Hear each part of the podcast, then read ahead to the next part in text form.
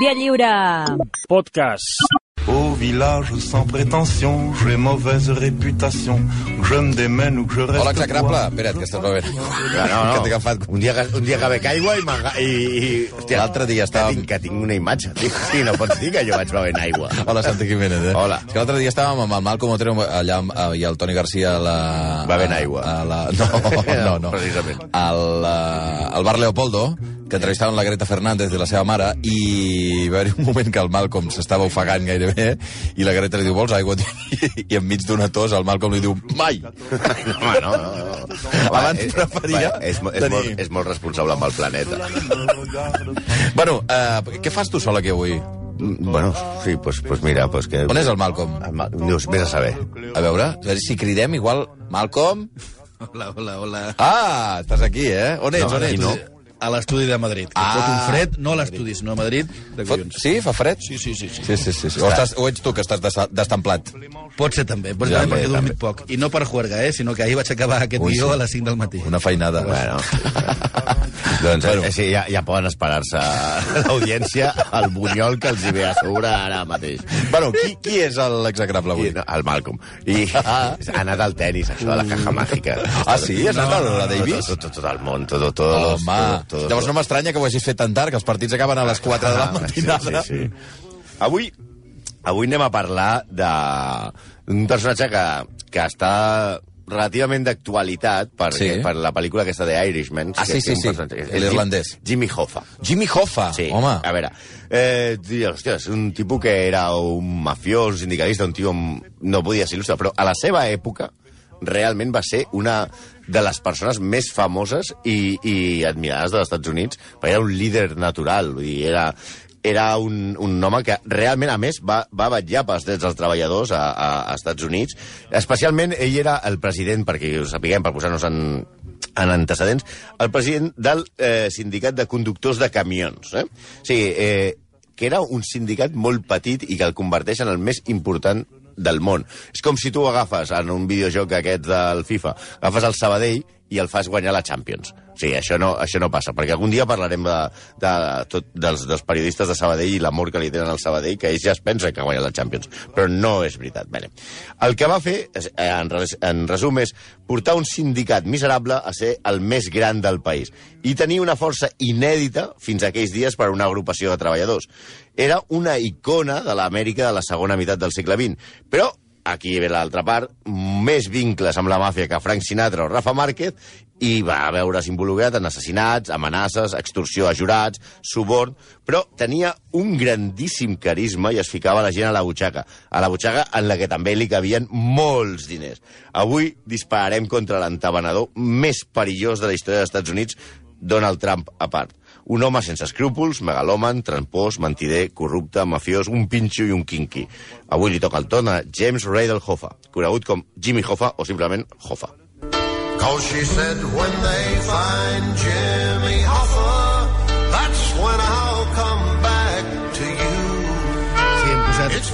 hem posat avui una cançó que té a veure amb el tema. Ja sé que és de, de vergonya i m'avergoneixo totalment, no tornarà a passar. És Sí, mira, que vam estar pensant cançons que no tinguessin res a veure, però clar, no. Al final surten. Sigui, vam estar a té punt un- de Frozen, però, però no tenia... Té un, té un costat còmic aquesta cançó perquè la cançó diu ella em va dir que tornaria quan trobin el cos de Jimmy Hoffa, no? Bueno, encara... encara. Sí, això és un Bé, spoiler, el- spoiler total. Tornem amb el, anem amb el pájaro. Hoffa va néixer al Brasil. Com Pelé us preguntareu, Regina dos Santos o Ronaldinho? I, i, i no. 200 milions de persones més, segurament. Exacte, no. A Brasil, Indiana. Té collons. Bastant més fred. Té collons. Ah, acabo de mirar. Que algú pugui posar-li a un poble d'Indiana Brasil. Sobretot perquè acabo de mirar la temperatura i hi ha un grau sota zero. Va. Això no és Brasil, això, eh? Bueno, ja us importa... Perdó.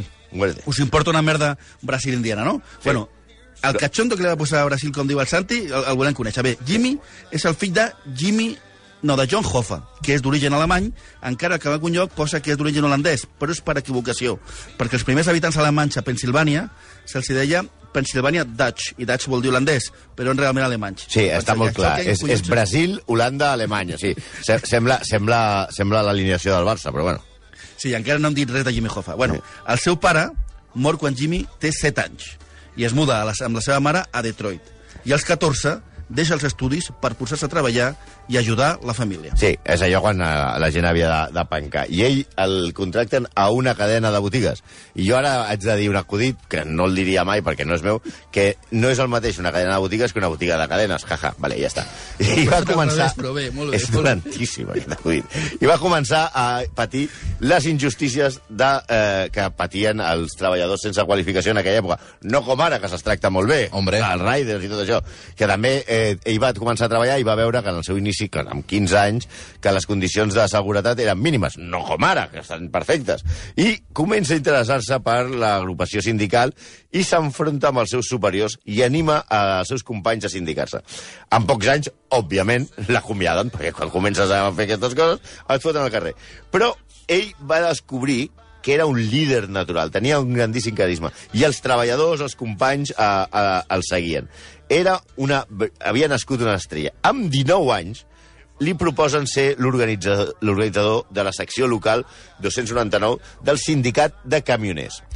Una, per, perquè ens fem... En, o sigui, el sindicat era molt petit, per, per entendre'ns. Quan ell entra al sindicat, el sindicat de camioners dels Estats Units té 70.000 membres i eh, en, durant els primers 30 anys de vides. Ja veureu o fins on ho arriba a portar, eh? Sí, de seguida comença a reunir altres sindicats locals de camioners i en 3 anys ja són 170.000. Hosti. O sigui, és, és, és, és una mena de, de Josep Lluís Núñez del sindicat de camioners. sí, o comença a fer penyes, comença a fer penyes i i... i anar juntant, anar seient juntant, anar lliure i. Sí, o, o cadena ser el franquisme, eh? però s'adona que anar inco- incorporant sindicats locals és la manera de creixement. Però aquí ja surt el seu tarannà competitiu. No només vol defensar els treballadors i evitar l'abús per part de la patronal, també competia amb altres sindicats. La seva gran bèstia negra era el Congress of Industrial Organization, que es diu CIO. El Comitè Que Olímpic Internacional. No, és Que una altra era- cosa. No, no, aquests, són, aquests són pitjors. No. I no he dit Aquí, quins, eh? bueno, no Prou. sé. No, ja està. Que, que, olímpics. que nerviós et poses a Maranc, eh? Jo res, eh? Bueno, el, el, el, el CIO era una federació de sindicats industrials als Estats Units i Canadà. Aquesta organització, que tenia altres enemics i emprava sistemes poc amigables, com les pallisses, era bastant perillosa. I el jove Jimmy es va fer un alumne avantatjat Sí. d'aquest sistema. Ell, ell va veure que era mo, eh, eh, això li, li va molar. Vull dir, va veure, ostres, aquí hi ha una part que jo tinc molt carisma, els altres peguen pallisses, però nosaltres també pagarem pallisses. Vull dir, aquí veiem... Eh, eh, ell, eh, aquí veiem el seu primer tret de la seva personalitat. Ell, per ser el, el sindicalista més gran dels Estats Units, ell eh, va, estava disposat a fer el que fos, el, a tot el que fos. I va ser president del sindicat de camioners i mai va conduir un camió. Mai. Mai, sí, sí, no, no, o sigui, no sabia ni Que posar gran. la primera. Sí, sí. L'única cosa que tenia relacionat amb un camió era un pòster d'una tia amb boles a la seva habitació. Ah!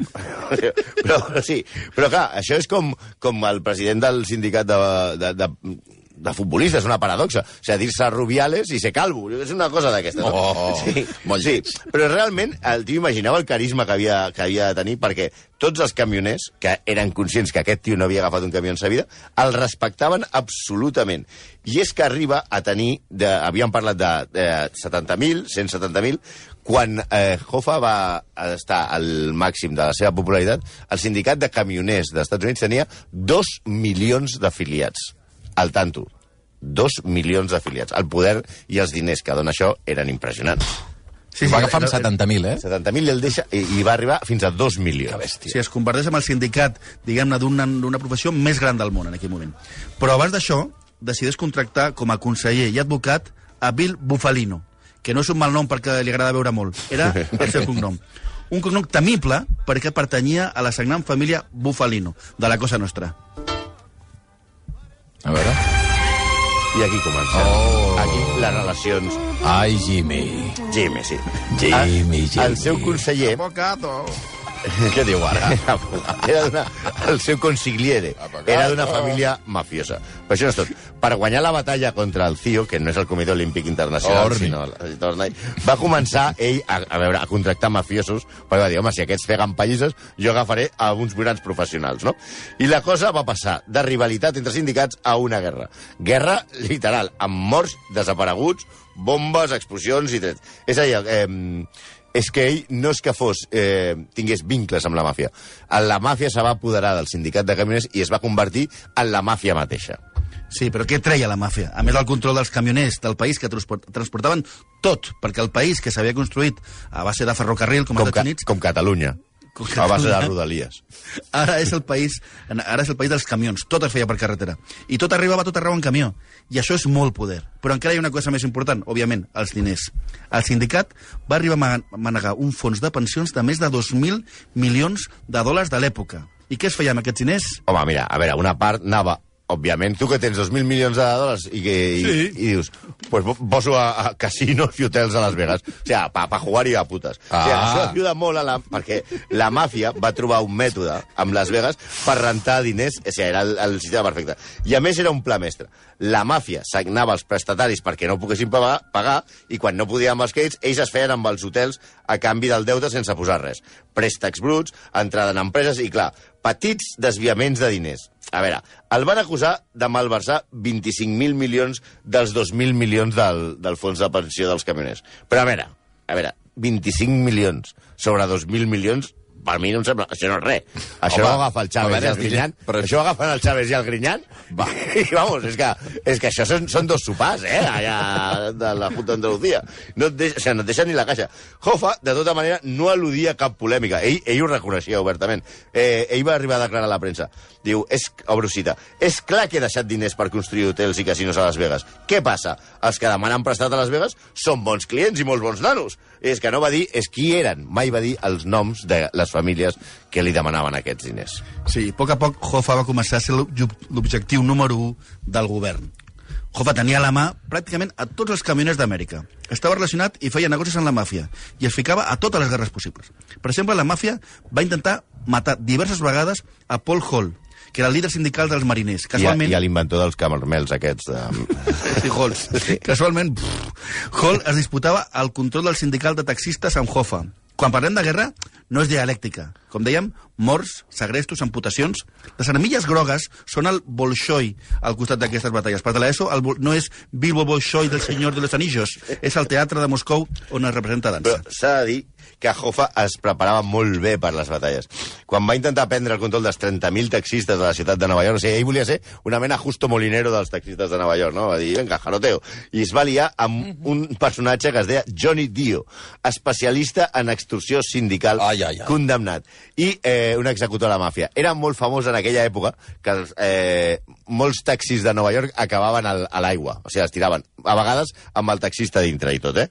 El que no sé si després pagaves la carrera o no. Si, si, Va tenir diversos judicis, però entre apel·lacions... els d'Uber...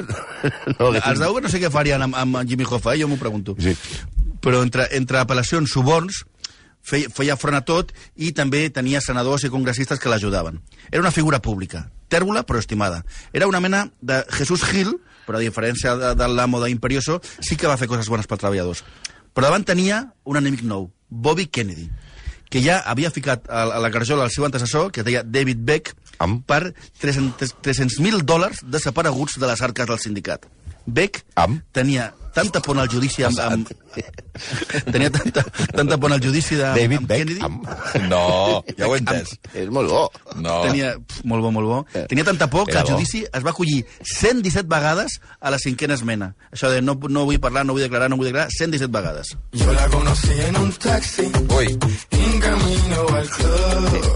Ja, ja hem dit que el problema que va tenir eh, Hoffa és, és es torça quan Bobby Kennedy, el fan fiscal general dels Estats Units, i ell es proposa, de, totes, de tota manera, acabar amb el crim organitzat. Però eh, hi funda un esquadró d'investigadors, tipus Los Intocables, que es passa a dir Get Hoffa. O sigui, una mena de comissarios villarejos dedicats només A- a, a capturar a. Hoffa.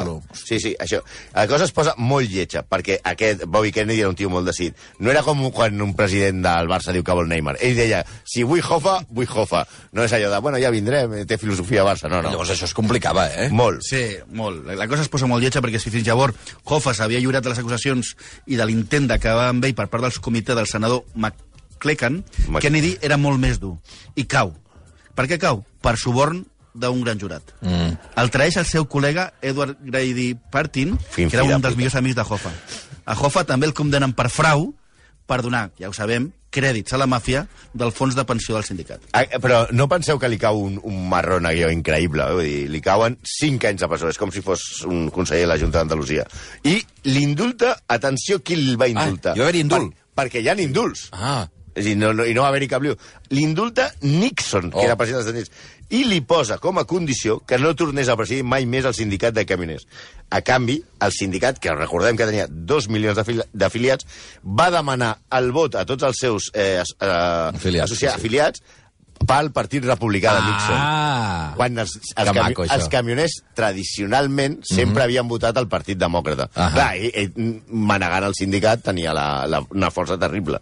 Sí, i encara que hi va haver rumors de que Nixon, de Nixon podia haver pagat Hoffa, però la veritat és que no sembla que ho necessités. Al sortir de la presó, el sindicat li va pagar una pensió, alerta, amb un sol pagament Sí. de 1.700.000 dòlars. Ah, Aquesta- molt bé. Vamos, és, D'aquella la, època, eh, que per era pasta, eh? la jubilació, és perfecte. Sí, una bona jubilació. Mai abans el sindicat, el sindicat havia pagat de cop la, la pensió, òbviament, ni xifres d'aquesta magnitud. Però clar, estem parlant de Hoffa. Però Hoffa, que podia haver-se agafat el 1.700.000 dòlars i retirar-se i anar-se'n a Marbella o a Miami o a fer allò, a, a gratar-se els ous, no estava disposat a retirar-se. estava fora i intentava tornar. Just abans eh, d'haver estat a la presó, havia posat en, ell en el seu lloc a un senyor que es deia Frank Fitzsimmons, que se suposava era un leial company de sindicat. Però ara no estava disposat a deixar el seu lloc. Tenia eh, Fitzsimmons a Nixon i a la màfia al seu costat i no anava a deixar que el traguessin el que havien donat. A veure, més o menys, perquè ho entengueu, com Robert Moreno i Luis Enrique, no? Ai. Sí, Luis Enrique és, eh, està i Moreno diu que d'aquí no em mouen. Però Fitzsimmons Moreno no volia deixar la presidència i entre ells van començar les amenaces, bé, aquestes coses que es van fent. Ara un cotxe bomba, ara, ara et, uh, et, et tallo un dit, ara, ara començo a amenaçar la teva família, i la màfia es va posar del costat de Fitzsimmons, perquè el tenia a la butxaca. No tenia ni molt menys el caràcter ni el carisma de Hoffa, era més discret i molt més controlable. Ah, ja li interessa la màfia. Clar. Clar, i aquí comença la part complicada. La versió de molts és que la tornada de Hoffa no agradava a la màfia perquè era indomable. Segons l'escriptor l'escriptor Dan Modella, Anthony Provenzano, Tony Pro, havia- l'havia amenaçat de la seva família a la de Hoffa i Hoffa es va venjar denunciant-lo als federals. La cosa és que també havia agradat amb Tony Giacalone, anomenat Tony Jack. A la pel·li de Scorsese eh, diu Hoffa, tots els dolents es diuen Tony. I, ara, i no vull fer cap comentari I ara sobre vindrà Toni Garcia. Garcia, Gra Ribas... I no va tornar a aparèixer. I aquí comencen les bogeries, aquestes coses que ens agraden de les teories de, de la conspiració sobre la desaparició de Jimmy Hoffa, que de fet, com hem dit al començament, eh, com deia la cançó, diu, eh, la nòvia li diu, jo tornaré quan trobin el cos de Jimmy Hoffa. Mai es va saber on va acabar. Oh. Una teoria diu que estava al ciment del vell estadi dels Giants de Nova York. Què sigui, dius? Que l'havien allò emparedat. Oh. A l'FBI no devia creure aquesta teoria, perquè fa poc van demolir l'estadi eh, antic i no, i no el van buscar allò en plan la Saizabala allà als pilars de l'autopista d'Alacant. Sí, una altra teoria és la de Joseph eh, Franco, que va afirmar que Franco! Hoffa... Franco! Franco ha mort. Va. Que va afirmar que Hoffa va ser empès en viu des d'un avió sobre els Grand Jacks. Oh. Que, el van, que va caure... Bueno, Va caure, no, no, si el va van caure. empènyer, I el no. van encertar. I, i el van encertar. Franco era aquest Franco, vull Ah, dir, i Josep, no, no, no, no, no, no el director del, del, del, director del periòdico, era conegut per extorsió, trencar cames i ser un assassí a sou. De manera que... I no era central del Real Madrid. I no era central. I de manera que probablement era bastant capaç de tirar algú per la finestra. També hi ha molta gent que a, di- a dintre, com el Hoffa era tan famós, que ha, ha fet l'efecte contrari. Quan tu et carregues algú no vols que se sàpiga. Però hi ha molta gent que anys després s'han inculpat i han anat dient... si mateixos. Diu, diu, jo em vaig carregar Jimmy Hoffa, per Vaig exemple. ser jo, vaig ser jo. Vaig ser jo, no. Un tio que es deia Frank Sheeran, que és la teoria que surt a la pel·lícula de l'irlandès. Segons aquesta teoria, Frank Sheeran va matar Hoffa de dos trets. Diu que no va patir. Bueno, segurament amb el segon menys que amb el primer. Després hi ha diversos més que diuen que el van matar. També hi ha la teoria de que, òbviament, va ser l'FBI, Ah, sí. però que no saben, i els que ho saben també diuen que no ho poden dir. També, òbviament, hi ha la teoria de que no és mort i Ara, és viu. aquesta ens agrada. Però clar, hem comptat i sí. tindria ara 106 anys. Bueno, un, Estaria xaval. estaria grande. Sí, bueno, es podria, podria jugar al Galatasaray. Però, per acabar, i gràcies al gran, al grandíssim Víctor Fernández, hem llegit l'entrevista que li va fer Playboy just abans de morir i que va sortir pòstumament. I hi ha una frase genial. I don't need bodyguards. Jo no necessito guardaespatlles. Potser sí, Jimmy, jo només t'ho dic, eh? Potser Por listo. Les eh, 10... A les, què diu? Les 10. Les 11 i 5 minuts, avui Jimmy Hoffa, si aneu a veure l'irlandès ja sabreu qui és, l'execrable amb el Santi Jiménez i el Malcom Otero. Malcom, que vagi bé per Madrid, eh? Moltes gràcies. Vinga, adéu-siau. Cuídese. Adiós, adiós, Santi. Tout le monde viendra me voir pendu, sauf les aveugles, bien entendu.